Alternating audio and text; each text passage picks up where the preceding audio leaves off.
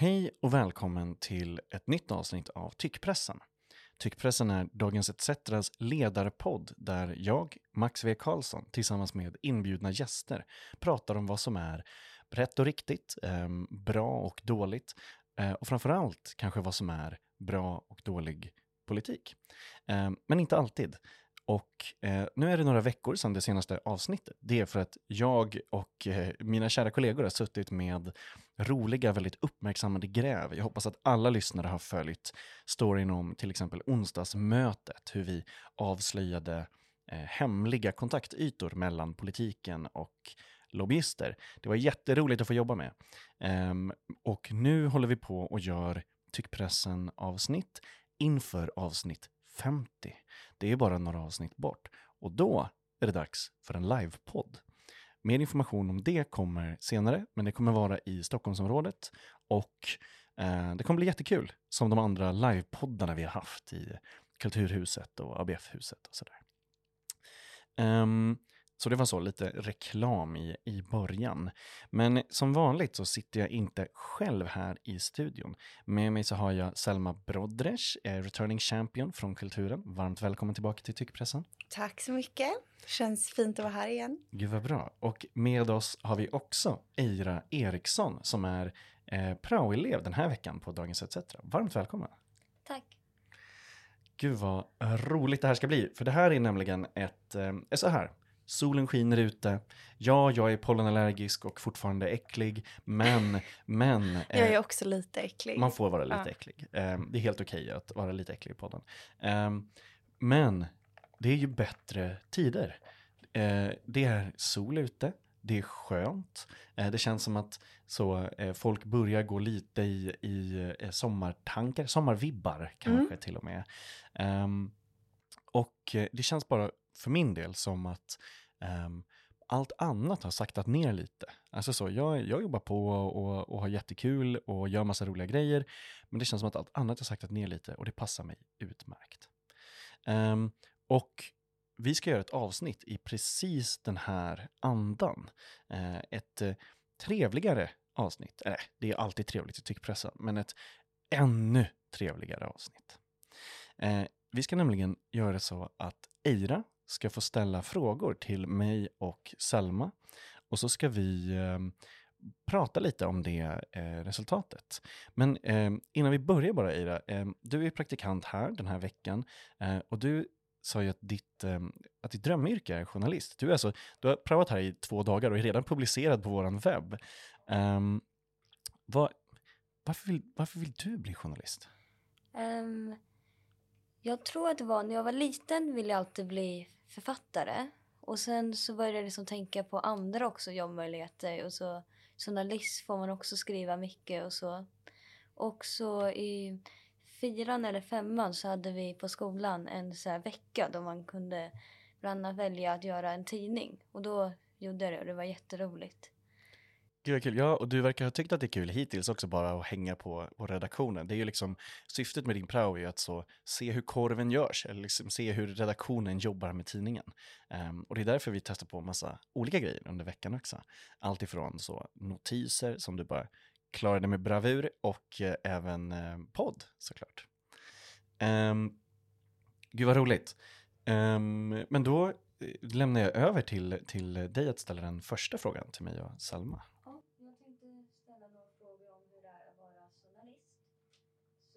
första frågan är, hur ser en vanlig arbetsdag ut?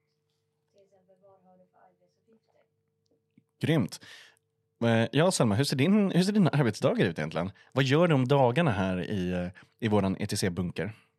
Eh, nej, men jag jobbar ju på kultursidan på vår redaktion, eh, vilket betyder att jag bevakar kulturvärlden, eller vad man ska säga. Och det kan innebära allt ifrån att Eh, göra en intervju med kanske en aktuell författare eller en aktuell filmskapare eller eh, artist eller något sånt.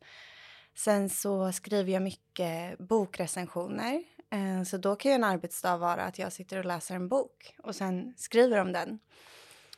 Sen utöver det så är det ju ganska mycket av mina texter som är krönikor eller kommentarer som är mer eh, åsiktsbaserade kanske man kan kalla det. Just det, de utgår ifrån dig liksom. Ja, mer, mer så och har en tydlig liksom, nu vill jag förmedla, nu vill jag få någonting sagt som kanske är en, en, en specifik åsikt. Eh, och de skapas oftast nästan i dialog med mina närmaste kollegor. Att då kan det vara att vi har läst någonting eller sett någonting på morgonen och är så här, men vad, vad tycker vi om det här egentligen? Och så sitter man och pratar lite, bollar lite och sen landar man i någonting som vi kanske inte alltid håller med varandra men så här, utifrån det samtalet brukar det bli ganska tydligt var jag står i en viss fråga. Och så skriver jag en text utifrån det. Det känns nästan som att så nysta upp ett garnnystan. Liksom. Eller så här, uh. du börjar någonstans och så följer du den tråden tills du liksom ja, hamnar någonstans. Verkligen, verkligen. det är så, eh, intellektuella brödsmulor i, så, eh, i, i, spåret. I bästa eh, fall. Ja, i bästa fall. Och sen så det, ser det ju såklart olika ut och sånt. Du hade ju faktiskt en artikel som kom idag som jag tyckte var jättebra. Och där var det ju väl en ska man säga, lite blandning av de här olika också. Det var ju intervju och det var annat också. Vad, kan du inte berätta lite kort vad det var för artikel? Jo, gärna. Eh, det var en liten Eh, Ehm, det började med att jag eh, har läst om en novelltävling som ett eh, bokförlag som heter Ekström och Garay anordnar varje år. Ehm, och det lät ju bara toppen med en så stor novelltävling med jättegenerösa prissummor och ehm, man blev dessutom publicerad i en antologi så man fick liksom de, de tio personerna som kom på ja, första, de tio första platserna eh, blev publicerade författare i den här boken. Och sen började jag kolla lite närmare på det här och insåg att det dels kostar ganska mycket att, att skicka in ett bidrag till den här tävlingen men också att det är lite andra grejer i hela avtalet som inte ser helt bra ut. Liksom. Det är verkligen så. Alltså, så kan man känna om mycket grejer, att det ser ut på ett sätt först ja. och sen så är det kanske egentligen något annat eller åtminstone mer. Att det, att det liksom inte är bara så guld och gröna skogar-grejen, guld och gröna sidor liksom i, i det Tyvärr här. Är det ju oftast, eller nästan aldrig det. och att det också är, och då är det ju uppgiften som journalist att eh, eh, hoppa på de här sakerna med en, en kritisk blick. Mm. Um, alltså att eh, inte ha grundinställningen att bara köpa allt som säljaren säljer. Um, utan i fråga, då hur, eh, hur det kom till, vilka är det som tjänar på det, vilka intressen finns det, vilka pengar och, och så, maktpersoner finns i det också. Mm. Um, mm, precis. Och om, så, eh, om jag svarar på så en, en vanlig arbetsdag, eh, då ser de nästan likadana ut eh, sett till arbetsuppgifter. Vi startar dagen med eh, så, nyhetskoll och omvärldsbevakning och sånt där. Jag kollar om några källor eller andra tips eller så har följt upp och svarat mig. Annars så kanske jag hör av mig till några andra som jag varit i kontakt med. Ehm, det är ju väldigt mycket människokontakt i det här yrket. Eh, det sa jag till dig i måndags också, att eh, man, man måste faktiskt eh, gilla eller åtminstone tåla att prata med jättemycket människor. Mm. Annars kan man lika gärna vara veterinär. Om man liksom inte kan prata med, med folk alls. Mm. Um, och eh, eh, efter det så är det antingen att jag jobbar på en story eller preppar ett poddavsnitt eller något sånt där.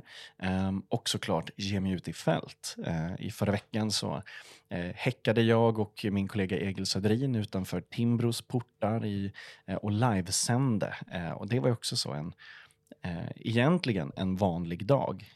men Eh, där kanske platsen var lite annorlunda. Men mm. så, eh, ja, skriv om, om det som jag har som bevakningsområden, planera, titta framåt. Jag försöker också titta bakåt, alltså mm. se hur saker har gått, eh, följa upp med kollegor hur någonting var. Um, och, men väldigt mycket är det ju så. Eh, förbereda, researcha, skriva, publicera. Eh, mm, lite så förenklat. um, och det är ju lite de uppgifterna som du hittills har fått göra också, Ida.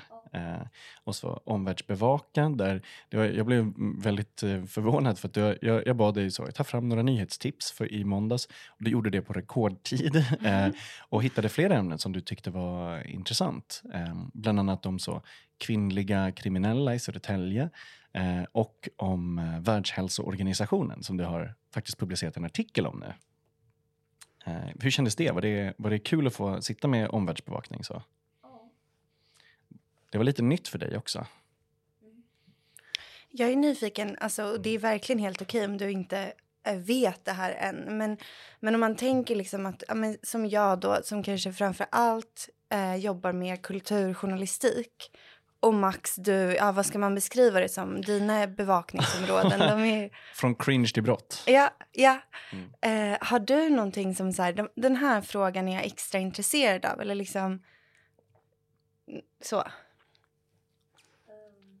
Något ämne kanske? Politik är ganska intressant. Mm. Typ svensk politik eller mer internationell? Både och. Ja. Det var ju ett av de första nyhetstipsen du sa, det, det var ju eh, i Aftonbladet som du läste om eh, Liberalerna och Sverigedemokraterna. Och då, hade du ju, då sa du ju direkt så att ja, men här kommer den krocken bli större när de ska bråka om EU. Just det. Det, var väldigt, eh, det är insiktsfullt, det är kul. Och om man gillar politik, då är du definitivt på rätt redaktion.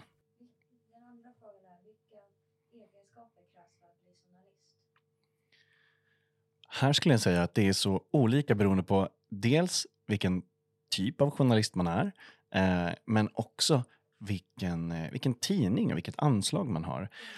Alltså, det finns ju journalister för allt. Det finns teknikjournalister, klimatjournalister, näringslivsjournalister. Eh, så, ehm, eh, folk som bara jobbar med data och, och Excel-tabeller och, och de som bara gör eh, intervjuer eller, eller har kontakt med människor nästan hela tiden.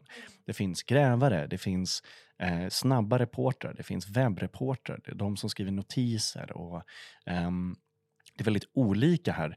Men, men, så att jag tror att man måste vara så intresserad och nyfiken. Jag tror, eh, åtminstone inom sitt ämne. Alltså, eh, man kan inte, man, jag tror inte att man kan vara journalist med att bara veta det som hände igår. Att man måste ha någon form av så, spröna ute och bevaka lite vad som händer i den, i den sfären. Eh, också för att så, nyheter är såklart en färskvara. Um, men, men eh, sen tror jag att det finns några andra, några andra egenskaper också. Um, eh, som som ja, krävs, eller, eller vad man ska säga. Um, eller som kanske är önskvärda i det. Uh, som jag sa så måste man gilla människor. Um, sen så tror jag att man måste vara åtminstone lite envis. Uh, för att väldigt ofta, antingen i en egen artikel eller i så hela nyhetsläget kan det kännas som att det är en uppförsbacke eller att det är oklart att det ens blir någonting förrän man är färdig. Eh, så att man måste kunna jobba på utan att veta att det kanske blir något helt färdigt i framtiden. Man måste känna sig bekväm med det, att ibland blir det inget. Um, man, måste, man måste också såklart gilla att läsa och skriva. Um, och det här är ju eh, eh, ja, men också en sån jättestor grej bara. Jag, jag, tror att de bästa journalisterna läser jättemycket, nej, kanske nästan mer än vad de skriver. Mm. Tror jag. Vad det tror du, tror jag också. Nej men, nej men verkligen, i alla fall om man vill jobba alltså, med skrivande journalistik så måste man ju vara en bra skribent och det blir man av att läsa. Alltså, och stilist, alltså typ så, man ska veta greppen. Det gäller ju typ radiojournalistik och tv och sånt absolut. där också. Att ta del av det och liksom, ja men, eh, eh, veta stilen. Mm.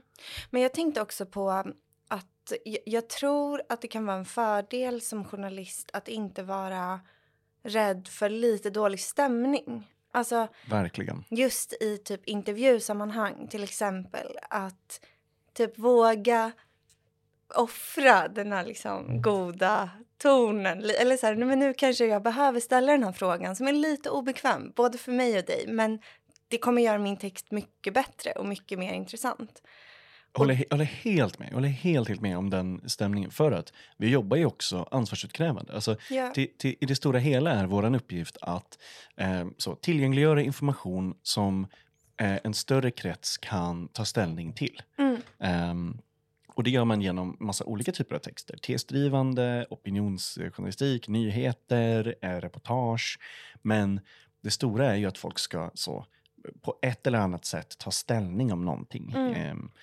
Och, eh, och då måste man ha det där eh, eh, dåliga stämningen. Där de ska säga. Jag kan inte sitta i en intervju, jag skulle inte göra mitt jobb om jag satt i en intervju med en jättemäktig politiker eller en makthavare eller eh, någon som är ansvarig för någonting utan att ställa någon kritisk fråga. Nej. Ehm, då då är man mest proffsminglare.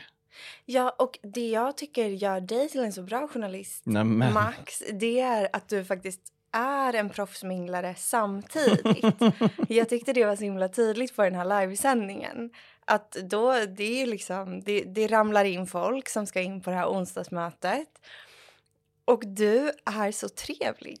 Alltså, på något sätt lyckas du kombinera de här ganska hårda, ansvarsutkrävande frågorna med en så här god ton. Och så här, bara en så... Det är så enkelt att typ tycka om dig och sen kanske man inte tycker om vad du står för. Men det känns svårt för dem att vara direkt så här... Ah, Alltså det här är lite så behind the scenes grej, men, men eh, jag, alltså det är ju, det, dels är det personlighet, eh, så att jag, jag är en glad prick. Eh, och det andra är att det är faktiskt också lite arbetsmetod. Eh, om man är, det hjälper nästan alltid att vara trevlig. Ja. Det skadar nästan alltid om man inte är det. Mm. Och eh, på det sättet så är det, det är svårare att säga nej till någon som vill ställa frågor om de är jättetrevliga. Eh, upplever jag i det jag, det jag håller på med. Ja. Vad är det du gillar mest med yrket? För mig är det... ehm, för, för mig personligen så är det tiden att få lägga på sånt som jag redan tycker är intressant. Eh, det plus att prata med människor som verkligen kan eller brinner för något. Det är mina två absoluta favoritgrejer. Alltså jag, jag vet inte hur... Eh, det finns typ ingen känsla som är så nice, tycker jag, som att eh, se den här elden i någons ögon när de pratar om någonting som de verkligen bryr sig om.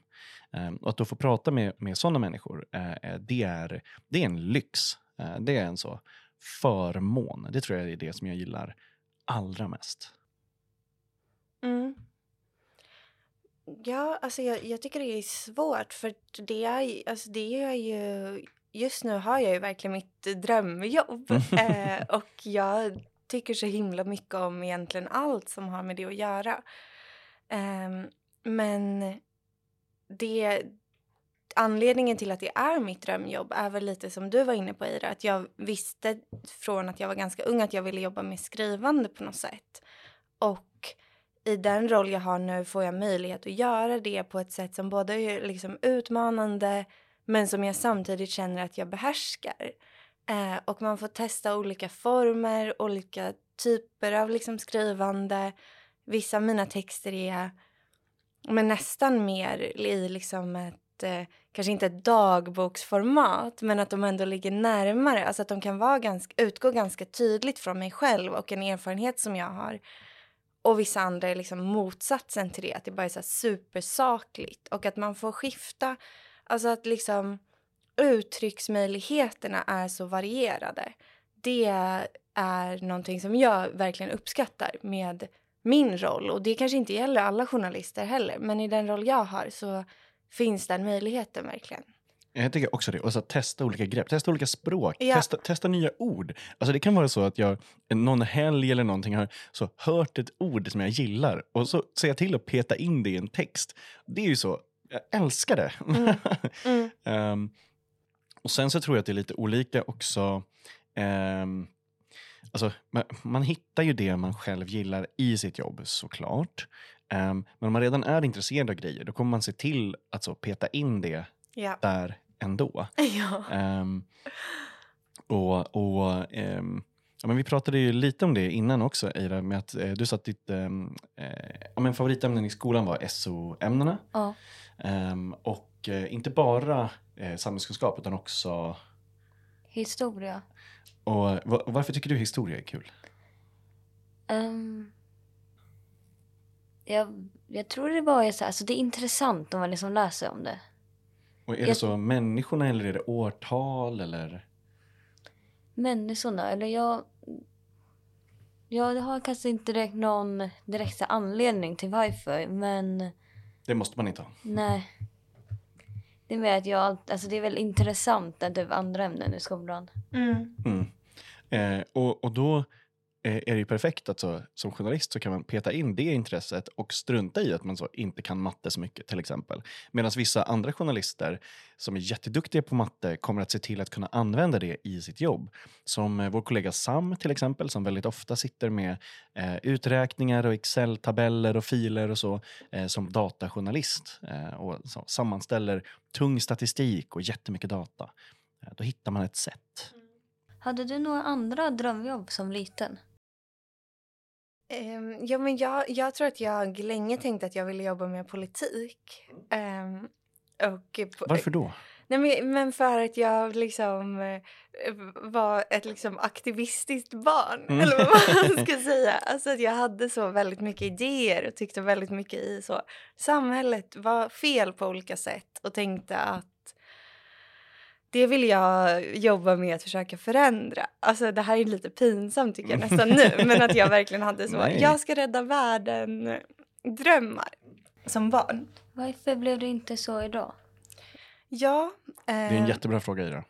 Det, det tror jag liksom... Alltså, när jag eh, slutade gymnasiet så började jag plugga eh, statskunskap på universitetet och tänkte nog fortfarande att så här, det är för att jag ska jobba med politik på något sätt. Men så var det som att jag liksom under tiden jag pluggade det märkte hur jag liksom bara drogs till fortfarande det politiska men i skrivandet. Att jag så började skriva lite för en studenttidning i Uppsala, höll på mycket. Att liksom, absolut att jag skrev uppsatser men jag minns att de kommenterades lite så här, men det här är inte ett tillräckligt akademiskt språk. Typ. Alltså du, liksom, jag var lite på väg någon annanstans och det var nästan bara en dynamisk rörelse eh, som, jag tror inte det var ett, riktigt ett aktivt beslut utan det gick några år och sen helt plötsligt var jag så här, men nu, nu håller jag ju på med något helt annat egentligen och så här, då kanske jag ska göra det istället. Just det, att man bara eh, man hamnar där efter vad som så händer det en och vad man gör. Ja, exakt. eh, men så, eh, man stod på en plats och så blåste det och så hamnar man på en annan. Men lite så, faktiskt. Jag, eh, alltså jag har haft flera drömyrken. Ehm, jag, eh, när jag var riktigt liten så drömde jag om att så bli eh, typ pudelrockare, eh, stå på scen och rocka loss. Eh, jag hade jättelångt hår och eh, jag spelade inte elgitarr men jag spelade trumpet och tänkte att jag kunde bli en så rocktrumpetare. Eh, Det hade varit coolt. det hade varit så coolt. Ehm, jag spelar ju fortfarande trumpet, Mm. så ja, drömmen lever tänkte jag säga. Ehm, men, men kanske mer som hobby, inte riktigt som yrke. Sen har jag velat bli massor av andra saker. Jag har, jag har kunnat tänka mig att bli så eh, människorättsadvokat också under gymnasiet när man tänkte på det. Um, sen blev jag så otroligt inte alls sugen på att plugga. Ehm, och eh, ehm, ja, men varför jag inte hamnade på de här olika yrkena. Jag kunde också tänka mig att bli så fotograf. Jag älskade att fota och jag gillar fortfarande det. Har du Ehm, någonsin tänkt att du skulle vilja bli polis?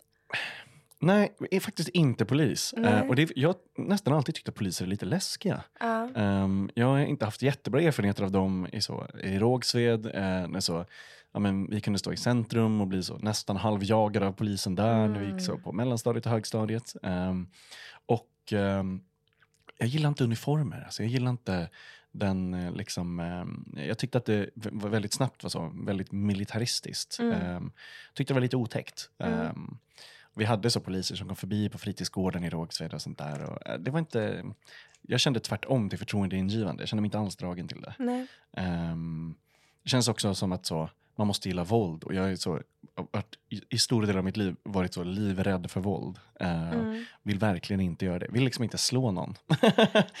Oavsett skäl. Jag vill liksom inte det.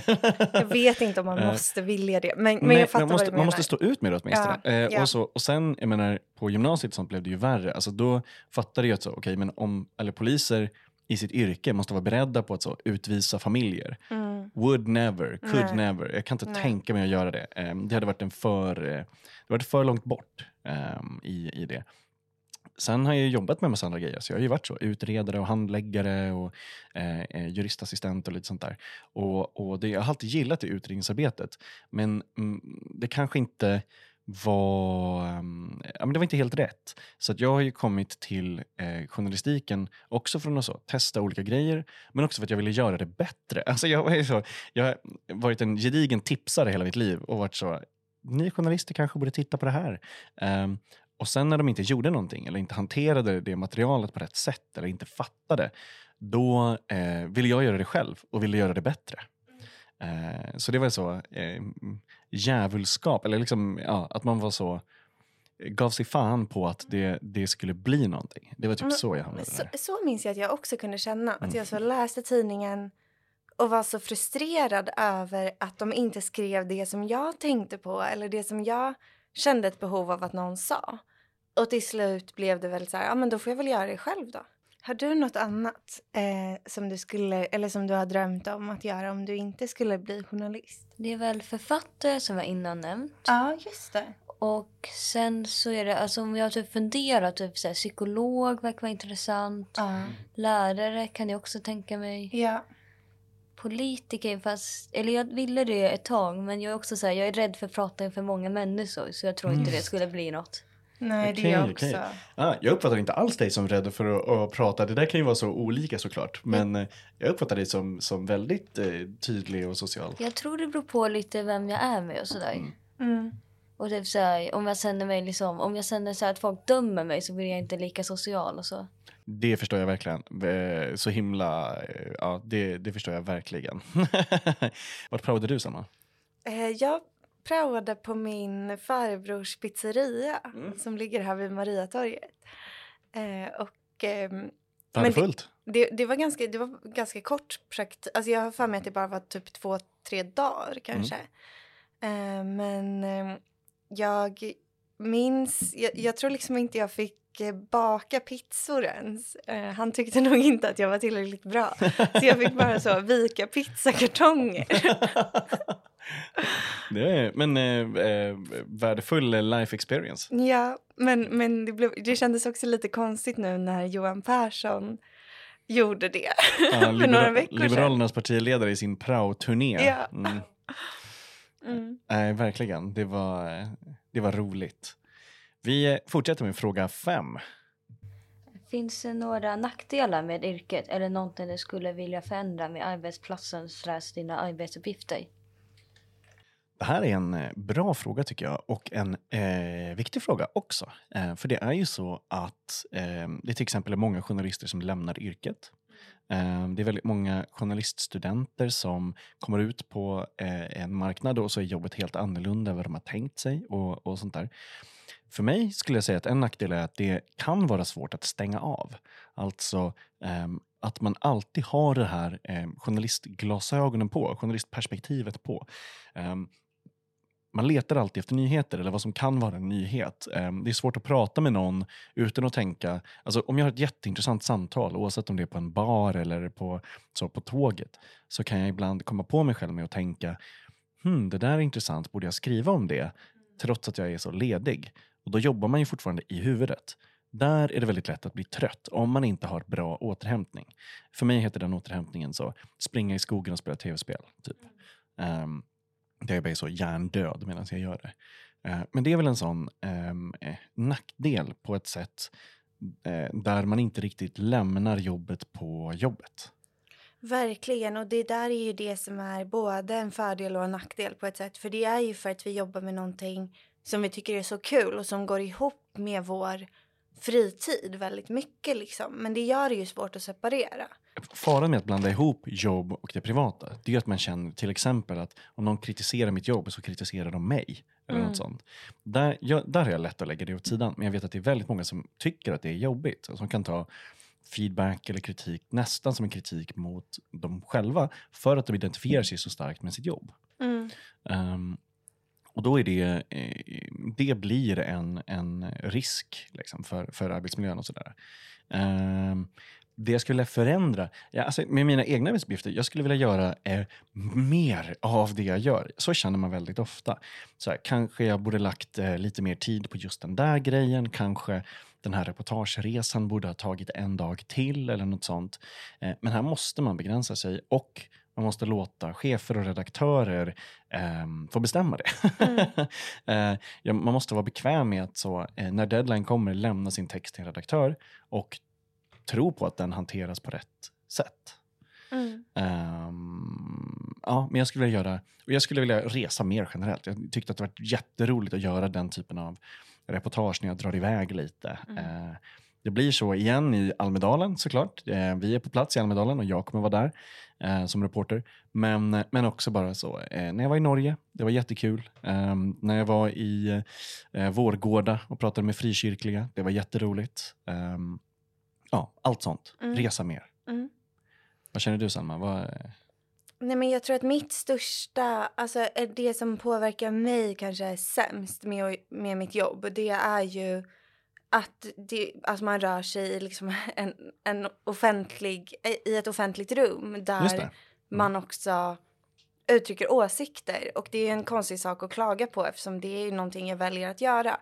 Men konsekvensen av det kan, när jag kanske av privata anledningar inte är på topp, bli ganska påfrestande.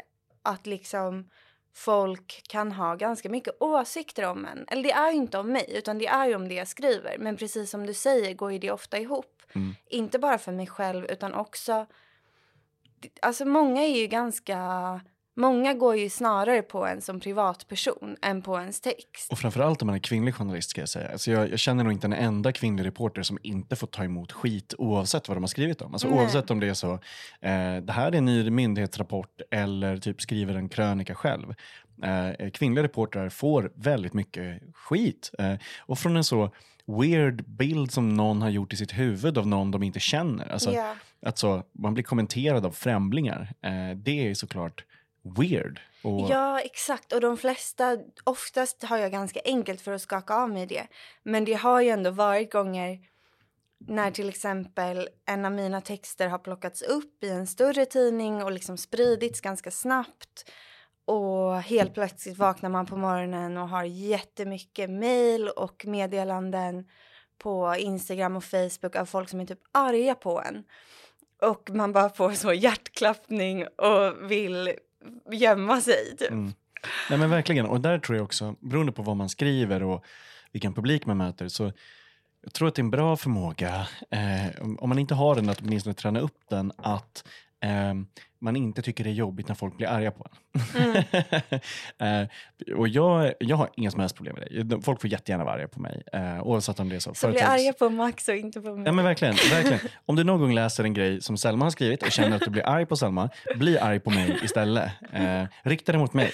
Eh, eh, jag, har, jag har inga som helst problem med så, om det är företagsledare till så, högerextremister till liksom, nazistpysslingar som är arga på mig. Jag har liksom inga, inga problem med det. Nej. Ehm, mest, för, ja, mest för att jag inte bryr mig liksom, Mm. eh, eh, om, om det. Men ehm, eh, Så det är en sån grej eh, som, som jag tror kan hjälpa en. Där får man också väldigt mycket hjälp av sina kollegor beroende på vart man är såklart. Verkligen. Alltså, det är ju våra kollegor som är så eh, med terapigruppen om man ska säga det så. Eh, man är ju sina, eh, man är varandras arbetsmiljö. Och eh, nu har vi så lyxen att ha massa kollegor som är eh, eh, är grymma men också som har jobbat längre som man kan lära sig av dem. Det är verkligen ett sånt, journalist är verkligen ett sånt yrke där man kan så lyssna på de gamla lärda och lära sig jättemycket. Mm. Eh, Och också att man har en redaktör som kan eh, ansvara om det är så att man behöver förhålla sig till en kritik man får så är ju det främst redaktörens ansvar faktiskt. Eh, Mm, och det tycker verkligen. jag att våra redaktörer gör väldigt bra. Verkligen. Det är väldigt skönt att man, man har ju aldrig skrivit en text helt ensam faktiskt. Så är det verkligen. Och det är lätt att glömma bort redaktörerna eftersom de också inte står, typ, det står inte i en text vem som har redaktörat den. Nej. Eh, men de är ju eh, eh, kingar och kamrater sett till liksom, när, när texter kommer ut. Mm, mm. eh, verkligen. Jaha, vi är typ framme vid den eh, sista frågan. Ja, det är den sista frågan. Mm. Och det är, vad tänker du på när du skriver artiklar? Mm. Alltså Ja, vad jag tänker på medans jag skriver. Eller Ja, hur alltså, menar typ, hur tänker du hur du ska formulera texten och typ Mm. vad du ska ta med och vad som du inte behöver ta med? Mm. Det där är jätteintressant, för här tror jag att många gör olika. Gud ja. Eh, och eh, även att man har så lite olika metoder. Mm. Um, jag börjar nästan alltid, oavsett vilken typ av artikel det är, eh, på samma sätt. Jag gör ett, lit- en liten anteckning i det så anteckningsprogrammet som jag har typ hela mitt liv i. Eh, och eh, så först så lägger jag in ehm, jättekorta punkter. Sen lägger jag in kanske länkar eller någonting om någon annan har skrivit om det, eller rapporter, eller så, bakgrunden egentligen. Alltså så, om jag har fått en uppgift, då, skriver jag in, då klistrar jag in det i meddelandet. Om jag har hittat någonting själv eller fått ett tips, då klistrar jag in det där. Sen försöker jag göra så varenda punkt till ett stycke och då har jag en halv text eh, redan. Då har jag så pusselbitar att lägga ut eh, och se om de passar och, och byta ut. Och när man gör det, då blir eh, vinkeln eller språket tydligare. Att då förstår man vad som är viktigt och inte. Just den metoden gör jag på typ varenda text. Eh, och sen eh, eh, efter det, så, när man har man alla de här styckena, då ser man vad som saknas. Eh, är det så röster, är det perspektiv eller något sånt där? Så jag tänker väldigt metodiskt, men, men det viktigaste för mig det är att samla mycket information, samla den på ett och samma ställe, eh, så sortera upp den och sen göra den eh, förståelig. alltså så att man begriper den bara. Eh, det, är, det är det jag konkret tänker på. Eh, jag har en fråga som ringer i huvudet hela tiden när man skriver. Och det är, vad är grejen? Vad är Mm. grejen? Vad är det viktiga med det här? Eh, och den grejen måste vara genomgående hela tiden. Jag skriver så i dokumenten, vad är grejen? Och försöker svara på det själv. Ehm, för för eh, grejen är varför du skriver det och varför du skriver det just nu. Det är så min hjärna funkar. Mm. Men jag tror att jag är lite likt på ett sätt för att jag ofta antingen har typ satt en rubrik som jag kanske ändrar sen men som ändå är så här, det här är det jag ska säga med den här texten. Eller så har jag formulerat det till typ min chef så att så här, den här texten kommer handla om, ja men som nu, det här bokförlaget som har lurat till sig massa pengar. Då, vi, då har jag ändå någon slags idé om vad texten ska handla om. Eh, för jag har nog ganska lätt att helt plötsligt annars bara hamna någon helt annanstans och ja, men sväva iväg lite. Men sen tror jag tyvärr inte att jag är lika strukturerad som du Max. Nej. Alltså min skrivprocess är ganska stökig. Det är så här, jag sätter på jättehög musik och sen så bara typ börjar jag skriva. Och så är Som typ, som mani. Ja, och så är jag så här, jag ska inte redigera, jag ska inte tänka så mycket nu, bara bla bla bla bla, bla låter det bara komma. Och sen så är det nog ofta ganska mycket och ganska osammanhängande och ganska liksom, ja men här är ett långt, här har jag klistrat in någonting ganska långt som någon har sagt och ska plocka lite från det och allt det. Alltså om någon såg en av mina ofärdiga texter tror jag att man hade fått lite panik för det är verkligen inte så, det är inte så vackert. Just det. Men man har sin egen, alltså man har sin egen ordning i det. Alltså det är samma som det där med, det är typ ett stökigt tonårsrum, men där den tonåringen vet vart allting ligger. Ja men typ, lite så faktiskt. Där de är så, den där Fast- blusen ligger i det där klädberget Ja, ändå. nej, jag vet nog inte ens det. Alltså, det är nog på riktigt bara ett stökigt tonårsrum som jag sen behöver gå igenom. Och där, alltså jag är väldigt bra skulle jag faktiskt säga på att vara kritisk mot min egen text. Mm. Alltså både så här, det här är fult. Alltså att jag är ganska fåfäng i hur jag vill att mina texter ska se ut och vilket pr- språk jag ska använda. Och jag har ganska stort kontrollbehov i det och så här, gillar inte om någon annan ändrar ett ord i min text eller så. För att det, det, måste, det måste vara vackert, typ. Det måste finnas en rytm och liksom... Eh, och det, det kan jag sitta och pyssla med ganska länge. Mm. Men sen också att jag är så, läser min text som att jag hatade mig själv. Alltså som att jag var en, ett så nättroll. Demonregissör. Ja. Och bara, men eh, det här är ett jättedumt resonemang. Mm. Vad, är det, vad menar du? Hur kan du påstå det här? Och sen så då försöker jag försvara mig redan i texten typ för att, för att man är lite paranoid och typ gärna om det går att liksom eh, manövrera bort vissa sådana onödiga dumma kommentarer som jag som bara är ett resultat av slarv typ. Just så det. gör jag gärna det. Det är nästan så en version av eh, den metoden som heter line by line. Alltså det här där journalister läser igenom sina artiklar. Vi gör det här för, för många artiklar också, men där man läser igenom varje mening för sig och ser, kan jag stå för den här och håller faktan för den här?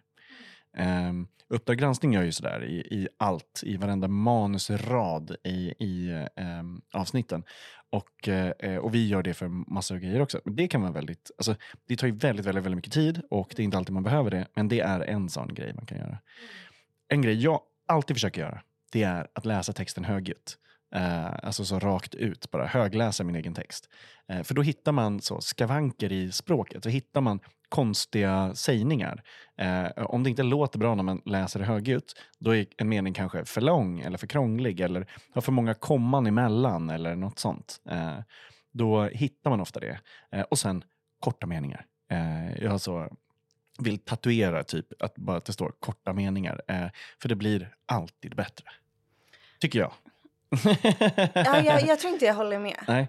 Men, det, det är min princip. Det kanske passar för, för den typen av texter som du skriver. Men jag, tror, jag tycker att långa meningar kan funka. Så länge de är tydliga och liksom har en, har en konstpaus i sig. Typ. Mm. Ja, så kan det verkligen vara. Um, känner du att du har fått svar? Var det intressant att höra det här? Ja, väldigt. Fick du någon så eh, insikt eller någonting som du tyckte var kul? Ja. Har, eh, har vi någon fråga till dig då kanske? Salma, har du någonting som du undrar? Mm, ja, men jag undrar... Alltså jag är ganska nyfiken på mycket egentligen. Men, ja, men, men, men det vore spännande att höra lite mer så här, hur tänker du hur tänker du att du skulle kunna fortsätta efter den här praktiken? Att liksom om du är sugen på det redan nu, liksom jobb eller Ni har liksom... ingen skoltidning? Nej, alltså jag vet, alltså nu tror jag inte, men jag kanske ska alltså flugga vidare till att bli um, journalist tror jag i alla fall. Mm. Och så får jag se. Det, vid, alltså jag kommer ju välja typ något inom så här samhälle på gymnasiet. Ja. Men alltså det är ett tag kvar så jag vet inte riktigt än. Nej. Du måste verkligen inte bestämma det heller än. Det är, Ja. Man kan ju också så, alltså, jag tror att det viktiga är att hålla uppe att faktiskt skriva och läsa så mycket som du redan gör. Det tror jag kommer vara en knäckfråga. Eh, och sen att börja så nyhetsbevaka, nyhetsbevaka ännu mer från fler ställen. Eh, det, det tror jag eh, är nyttigt. Mm. Eh, Mm. att så, Verkligen. alltså, Men hålla alltså, koll. Du har ju redan... Du är redan publicerad. Ja. Det är ju skitcoolt. Ja. Eh, Men att skriva och läsa om du gillar att göra det är ju det är verkligen det bästa.